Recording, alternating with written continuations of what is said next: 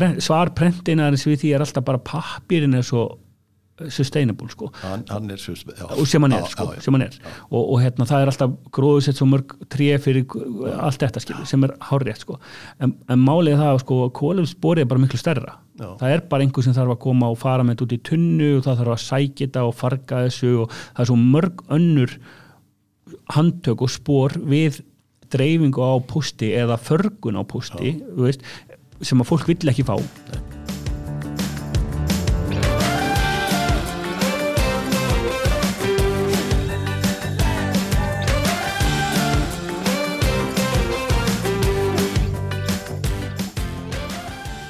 Komið þið sæl, ég heiti Grímur Kolbensson og verið hjartanlega velkomin í hlaðvarpið augnabliki yðnaði. Við fengi hingað til okkar í spjall Birgir Jónsson, fórstjóra Play og bjóðum hann hjartanlega velkomin. Takk hjá það Grímur Nú svona áður við byrjum spjallið, hver er Birgir og hver er bakgrunnið? Þetta eru stóru spurningar Stóru spurningar. að fari beint í, Já, í, í mál, aðalatriði. málin já ég er nú ég er nú hérna kópúsbúi og hérna uh, er nú bara ólst upp þar bara í hliðin á skítalagnum Já, og hérna uh, var nú svo sem ekki fór nú fáum sögum að því þangar til að ég hérna hérna bara auðvitað stálpaðist og, og fór svo að læra prentun og hérna bara fann mig ekki alveg í mentaskóla þannig ég svona fór í, fór í innám og, og þeim tíma var auðvitað mikill uppgangur í, í prentiðinaði og í íslenskum yðnaði bara almennt. Og að, þannig að ég fór bara í, í, í otta það sem ég var nú að stríða þér oft. Og hérna uh, og já, lærði bara sagt, bara fór í gegnum þetta hefbunda svona uh, hérna, sveinspro, sveinspro og var starfsnemi og allt þetta og, og hérna, já var nú svona bara horfið björtum augum til framtíðar þangar til að svipu gungin hófust og röð vombriða en ef við höldum svona áfram eftir að læri prentverki þá ferðu til London í, í, í, skóla, University of Arts in London. Já, ég er, svona, ég er, að, ég er að ta- taka sveinspróf í prentun, óstöðprentun svona upp úr 20, kannski 21 árs. Og, og þá var maður kannski aðeins farin að hugsa að það veri nú svona, þetta er áhugur, áhugur bransi og mik, mikið að gerast og, og, hérna, og kannski átt að sjá því hvað er veru að því að sko prentun og, og hvað við segja svona þessar greinar eru oft svolítið faldar. Er, sko ég hef oft, oft bara ennþá, en þetta í dag er spurður þú veist, ertu prentari, Hva, hvað er það? Ertu að skrifa, er þetta prentari ben- benda okkar tölvuprentara? Og þá bara eins og við sitjum hérna í dag, veist, maður getur bent hérna á næstu alla hluti kringum okkur, það hefur einhvern veginn einhver hvað við segja, grafísku fagmaður komið á þeim, sko, við erum bara að horfa hérna kaffibóllan okkar eða, eða blæðið sem hún heldur á eða hvað sem er. Þannig, þetta er þetta gríðarlega sko, ef maður átti að segja því að upp á tvítu hvað þetta er veru bara uh, stór og víttakur yðnaður þannig ég fyrir að leita fyrir mér hvað, hvað er hægt að gera meira og, finna hann nám í, í, sem einhver góðum maður skýrði prent rekstrafræði í, í London í mjög svona virtum skóla þar þannig að hétt uh, Printing Media Management og, og fer sem sagt kemst inn í hann uh, fyrir einhverja guðsmildi. Og hérna uh, og, og ég reynur kemst, það er kannski málist talað um það, kemst ég reynur inn í hann sko, uh, þú veist að ég er ekki með stúdenspróf og, og hérna og þá er reynur eru háskólanir í Englandi allt öðru í sig en háskólanir í Íslandi voru á þeim tíma og ég held að sé lítið breytt í því að allan mjög lítið að ég fekk reynur metið inn í námið starfs, hvað við segja þeim fannst áhugavert að, að fá fólk inn í þetta nám sem væri reynur með teknilega mentun sko. Já, sem sagt einhverja sem að, þarna var verið að kenna reka prentsmiður, útgáfi fyrirtæki og annað og, og hérna, og þeim fannst áhugast að vera þá með einhvern, þetta er svona svipað eins og vera smiður og fara að læra arkitektur Já, já. þú bara svona áttærið á því hvað gerist sko. þannig, að, að og það nýttist mig gríðarlega vel í náminu sko. góðu bakgrunnur. já, og bara svona skilja raun og veru hvernig, hvernig svona raun og veru ferlis allt virkar og teknina og allt þetta og, og gríðarlega skemmtilegt nám mikil sko sem blanda af svona, segja, viðskiptafræði og svona þessum bara teknilega hérna, svona grafíska grunni þú veist, það var svona litafræði og alls konar. Þarna var verið að rosalega mikið vera að pæli á þessum tíma sko þessum svona tölvukerfum, þessum svona MIS kerfum sko bara stýra framleyslunni og, og svona besta þetta allt og svona og, og, og hérna frábælega hérna áhugavert. Og ég semst klára það, tek bíja gráði því og fer síðan að vinna hjá uh, einu stærsta, ég held að sé nú ennþá stærsta prentfyrirtæki í heiminu, Ara Donnelly sem, sem, þá með skrifstöð í, í London og, og hann þar í einhver tvö ár. Og hérna og það var sem sagt það var í City of London hétt sem það Arab Donley Financial það voru að prenta svona bæði árskýslur og eins eh, ekki síst sko skráningar á hlutabræfamarkaðin eða hlutafjáraukningar eða samrunir að kaup tilbú fyrirtækja þá skiptir rosalega miklu máli að allir hlutafarnir fengju gögnin á sama tíma. Þannig að það var að prenta svona, svona prospektus eða svona bara bækur, svona litlar símaskara raun og veru um, sem var síðan dreift sko á alla hlutafan og skipti óbáslega miklu máli að allir fengju á sama tíma. Og, og þarna, þetta voru stóri dílar ég menna mann eftir svona stærsta dílum sem að ég var að vinna það var hérna engavæðing uh, Deutsche Post DHL held ég að með hafi kipta eða allavega þetta var ro rosalega stór díl og þá virkaði þetta þannig og, og þetta var einmitt svo gaman að segja svona kollegum á Íslandi og vinnum frá þessu sko að það var kannski auðvitað var verið að svona einhverju lögfræðingar og, og svona bankamenn sem komið þá inn í skrifstofunar okkar voru í okkar hérna e, fundarherbyggjum endalust að, að sko breyta blaðsjum, breyta verðum og þetta er ekkert eins og þetta er ekkert eins og þetta gert núna sko og síðan var einhver bara sem sagði go. Og þá voru við kannski búin að bóka framleyslu getu í sko prensmiðum út um alla Evrópa og stundum Asju, ég menna ég fór til dæmis oft til Hong Kong þar sem við kannski vorum með tókum bara svona stóra prensmiðu og vorum kannski með hann að bóka bara í viku og það var ekkert að gerast.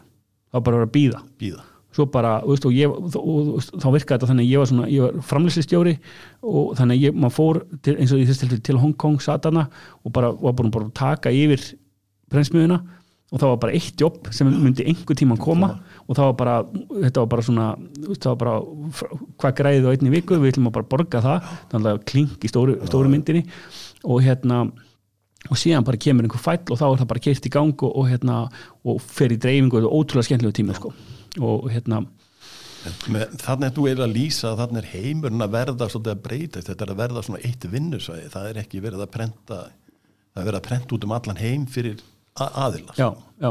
þannig að þarna, þarna má eiginlega segja að þarna er upphafið, þarna er eiginlega svona að byrja þetta, þetta heimurinn eitt svæði. Já, já, mann sá líka sko í raun og veru þú veist að í raun og veru á þessum tíma sko, hvað til dæmis sko þessi íslenski prentinar á þessum tíma var raun og veru þróaður sko, teknilega sérstaklega sko, sérstaklega þegar kemur á svona kerfum sem ég var að tala um á, bara eins og til dæmis bara fullt af hlutum sem maður kannski sá að var, var, var bara voru stundar hérna á Íslandi sem að maður gæti raunveru að því að maður sati svo mörgum prensmiðum í Sviss eða einhvers stað skilja og maður sita og var að tala um einhverja príbjörska eða eitthvað skilur bara ekkert að gerast þetta að býja eftir einhver, einhver hérna kemur mótihöli með einhver disk sko að hérna að, maður átti að segja því að við, við íslenski prentiðinar hérna ég nú ekki fylgst kannski mikið með svona upp á síkasti en allan á þeim tíma var mjög svona þróaður sko. Já, tæknivættur Nú eftir Donelli þá breytist á og þá ferða að vinna hvað hjá össur í, Já, ég fer sem sagt tekt MBA nám hérna út í London og, og hérna kem hérna heim. Þetta er hérna í kringum 2000 þá svona eitthvað sem hétt netbóla þá í gangi og Já. ég sest aðeins í Íslandsbanka í eitt, eitt, tvö ár og hérna svo fer ég semst vinna hjá össuri og, og reynur flytt til Hongkong og stýri reynur össuri í Asju, Kína og Európu, nei hérna Östur-Európu og Rúsland og einhverjum svona skrifnumarkuðum með Östurlundum og var þar í, í hérna ég man ekki þrjú árið eitthvað. Þannig að það var þannig að þá, þá er raun og veru hérna hafði ég kvart mína minn svarta bakgrunn, mína svörstu list. Já. og hérna hér, átti nú ekki vona því að eiga afturkömt í hana, það breytist nú reyndar sér Já. eins og oft í lífun Nú eftir össur þá er það flugið. Já, þetta er hérna er, þá er annan flugfélag Æsland Express. Já, já ég hérna, kem hann inn í Æsland Express 2004 þá, þá hérna sem ég reynur framkvæmdastöru sjöl og marka sem ég maður rétt, þetta var svona uh, það hefði einhverjir góðir uh, frumkvælar stopnaði fyrirtæki svo var það komið einhver ógangur eins og stundum vill nú vera með flugfélag. Og, og nýjir fjárfæstar komin að og var svona verið að starta þessu aftur. Og, og hérna og mjög skömmu setna urðu að, aðra breytingar þannig að ég tók þessi fóstjóri þar og, hérna, og þannig að þá var maður komin inn í flugbransa sem, sem, er, sem eru loðið við já, svona, losnar ekki alveg þann sko, sem betur verð Nú Infopress er fyrir, brent fyrirtæki í Austur-Európu sem þú hefur komið nálat sem Otti stopnaði Já. Hvað hva, nú var það stórt og, stór og mikil prensmiður samstæða já, það, mannstu svona já, sínin á þetta, hvernig menn lítu á þetta eða? Já, sko, Otti, eða við skulum segja Kvós, Já. sem var hérna eignarhaldsfélag, raun og veru, hvað við segja, eigandi Otta, hafði fjárfest í, hérna, uh, einmann tveimu prensmiðum, minni, kannski meir hluta í rúmenskri prensmiðum, þessi infopress og minni hluta í prensmið í Búlgaríu uh, og, og voru með einhver svona plön og, og, og hérna og fengu mig til þess að raun og veru kom fyrst inn sem frangatastjóri ellendra starfsemi það eru líka með starfsemi í Bandaríkjum á þeim tíma hann og Pólandi já, þannig að þetta var svona ansi þannig yfirgrifst mikill rekstur. Uh, og svona mjög skömmu síðar þá er raun og verið flytið til Rúmini og tekur við sem fóstjóri í þessu Infopress fyrirtæki og sem við síðan byrjum að samina búlgarska fyrirtækinu og, og, og skýrðum eins og lænska var á þeim tíma Infopress Group. Já, já, og hérna og, byggðum, byggðum hérna prensmiðu í, í Ungarland í Budapest. Og þetta var auðvitað þú veist prensmiða á öðrum skala en kannski Íslandíkar þekktu á þeim tíma. Já, er það ekki, var þetta ekki, ekki svona risapress Jó, hún var stór og, og í raun og veru bæði á þeim tíma og eins núna líka einn stærsta prensmiðan bara í Östur-Európu og sérstaklega í Suðaustur-Európu Já. og hérna á þeim tíma held ég að við höfum verið með 13-1400 starfsmenn og, og hérna vorum að hérna, ég man ekki velta einhverjum ég man ekki 160-70 miljónum evra einhverjum, á þeim tíma einhverjum 20 miljónum sem var talsveit mikið. Já. og, og, þetta, og svona sem dæmi við vorum með okkur eigin lestastöð. Veist bara svona fyrir pappirinn og svona þetta á öðrum skala sko. Og hérna og það var verið að prenta sko hérna ég er nú eiginlega búin að gleyma allir þessum orðum hérna þetta er hérna sem sagt hérna web sko hérna og er með hérna stórar, stóra vélar og, og hérna og bara mikinn rekstur sko.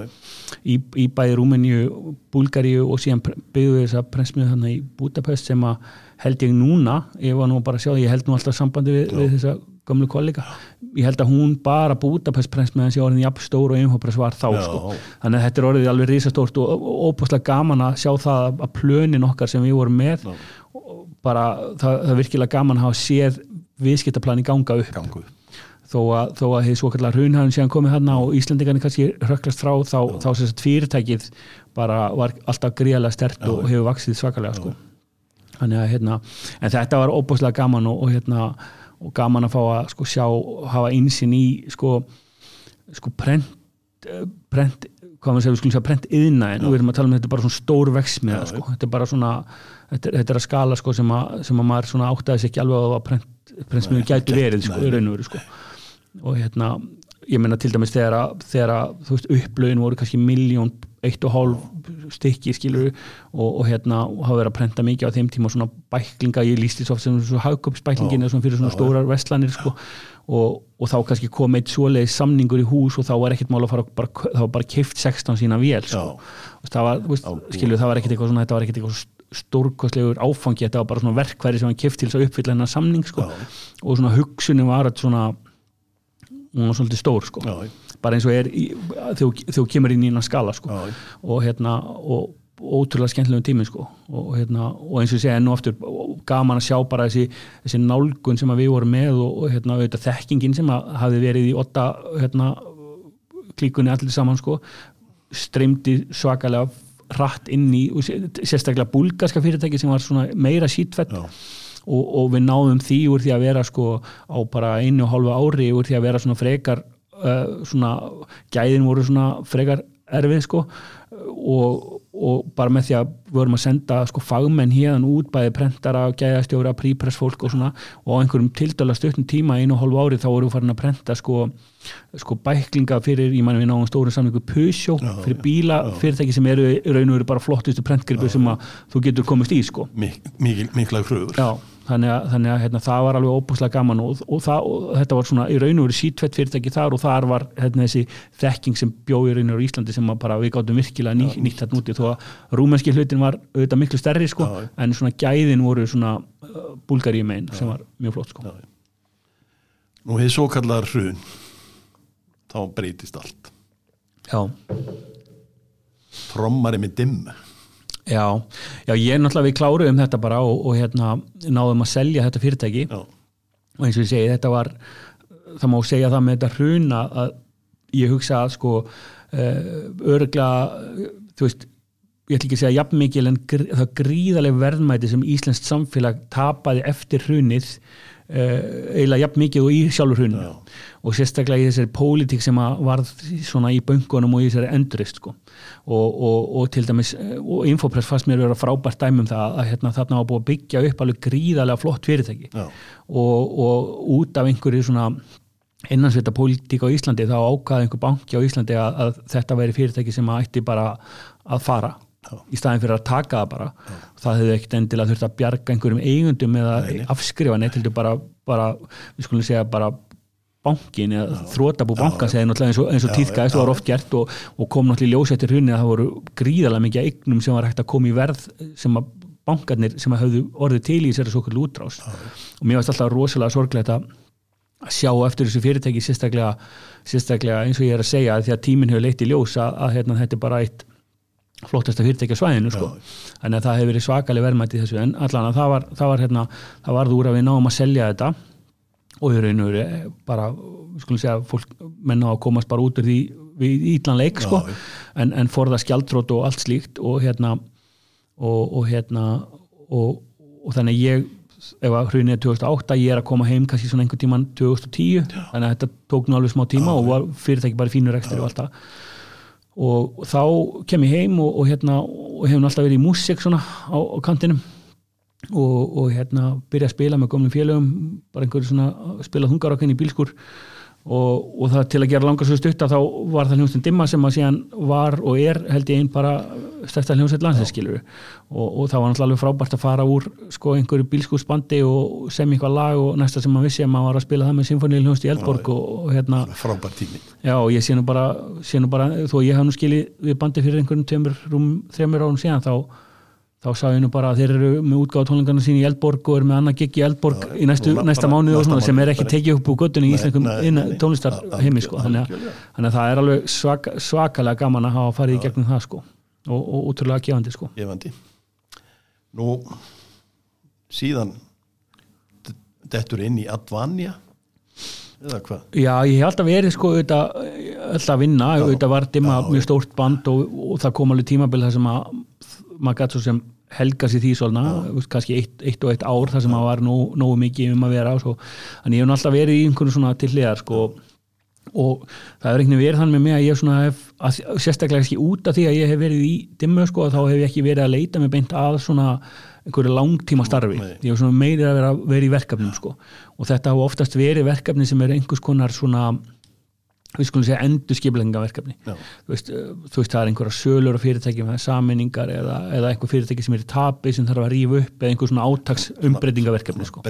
Já, breytingar svona, og það hefur verið svona setni, setni tíma hefur verið svona kannski mitt svona fortið svolítið sko og, og, hérna, og já, ég fór til, minnist Advanja ég var í Advanja í einhver tíma þá voru þeir að kaupa annað tölvufyrirtæki og uh, það þurfti bara að samina það Já.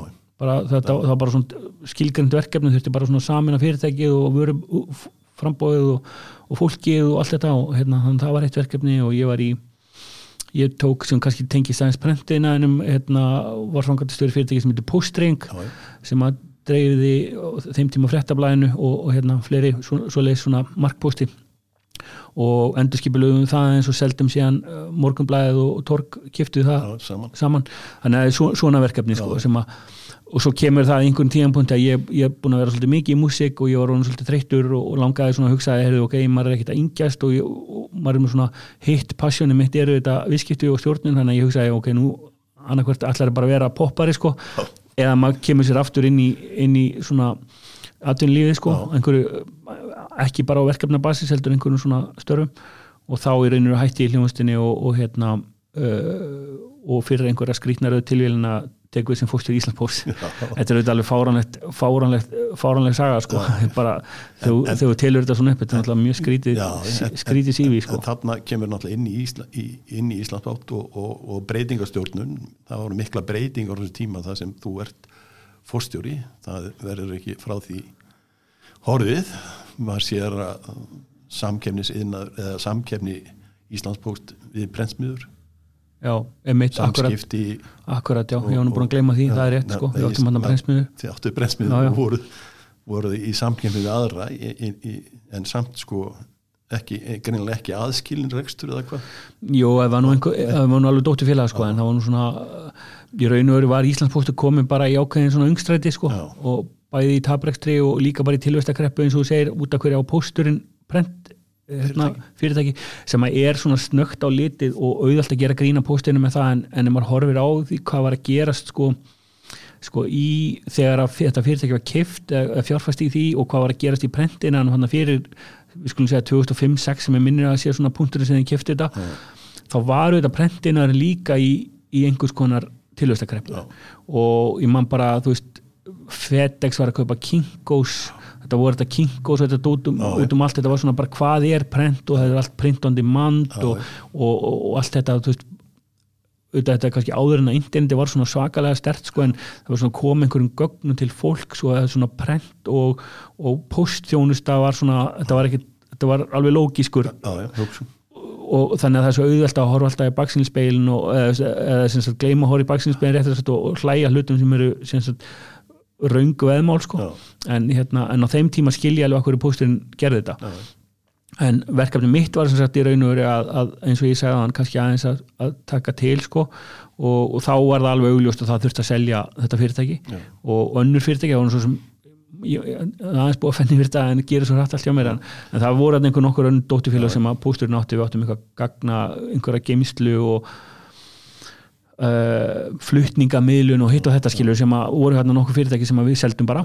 Og, og, og, og, og hérna auðvitað skárum greiðlega mikið niður og snýrum fyrirtækin úr hérna uh, sko tapi í hagnað. Og ég hef alveg tæklað þetta á hans að vera eitthvað að skipta mér því sko pólitísku hliðin á póstinum sko. Veist, finnst mér að ríkið eiga postjónustu, nei.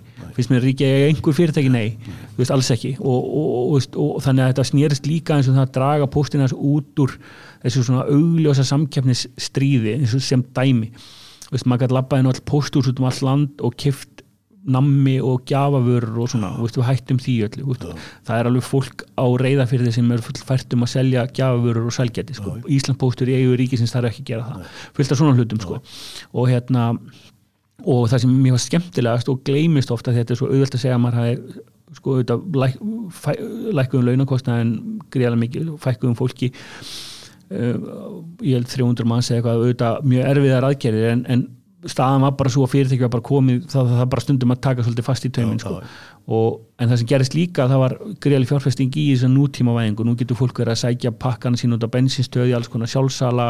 Það komi flott app eh, fyrir sjálfsakarislu, þú getur þartir einur ekki lengur að fara á posthús eða ætlar að se- senda pakka, þú getur bara grætt, græða það í appinu og farið með einhvern, einhvern lokkar sko, fullt af svona hlutum sem á fyrirtæki væri raunur og, og áhugavert verkefni að skera niður kostna og raunur líka fjárfesti þjónustu. Já.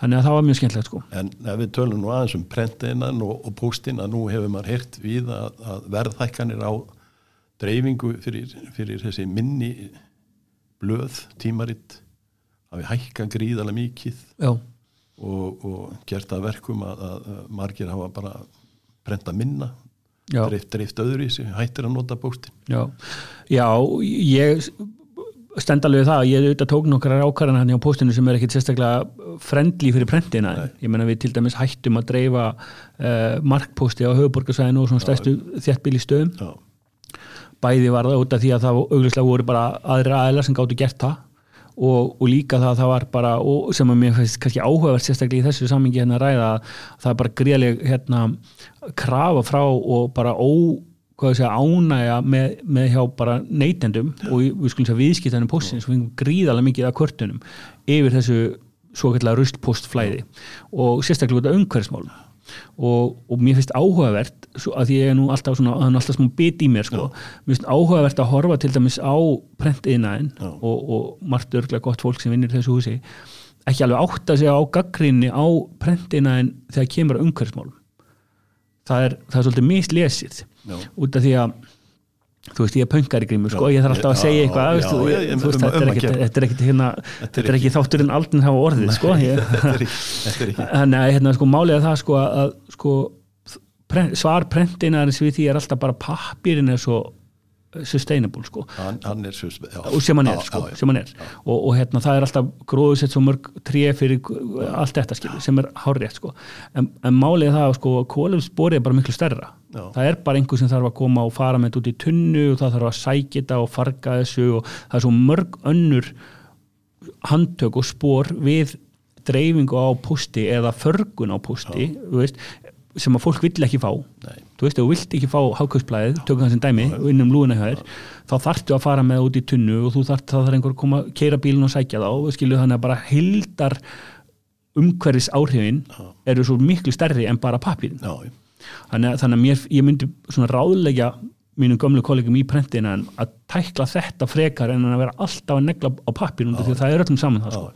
Við gerum bara kröfu um það að allt sem við notum í, í hérna, daglegu vörunar okkar séu sustainable, sko, við erum bara að tala um það er ekki lengur hægt að fá plast með skýrinu og allt þetta skilju, þannig að það er hægt að vera sjölupunktur, nú, hitt, nú þarf einhvern veginn hitt að targetirast, þannig að við, hætt, við hættum því og, og hérna þá voru margir mjög ánægði með það og, og hérna en, en, en fleiri Já. já, þetta, yðnaðurinn var ekki ánæður en neytendurinn voru ánæður uh, og, og fólk vill náttúrulega bara vita, fá hlutina sem það vill fá en ekki fá hlutina sem það vill ekki fá. Við, okkur finnst ekkert gaman að fá eitthvað, einhvern spam post inn í lúinu okkur. þó að ég átta með alveg á því að, að ég hef sjálfur haft og margir sem ég elska og dái hafa haft aðdunni sín að því þá er þetta bara, veist, fólki finnst leiðilegt að fara með þetta allt út í tunnu sko. og hérna og, og hérna já, og verðskráin og hitt veist, það var nú bara út af því að pósturinn var að veist, það, það var líka bara þannig að, að, að, að hérna, það var bara einhver gömul pólitísk ákvörðin um um að ætti að, ætti að niðurgreiða dreifingu á einhvern hérsveitablöðum sko, sem, sem að stends bara ekki lög. Og samkefniseftirlitu var bara margótt búið að finna að því sko.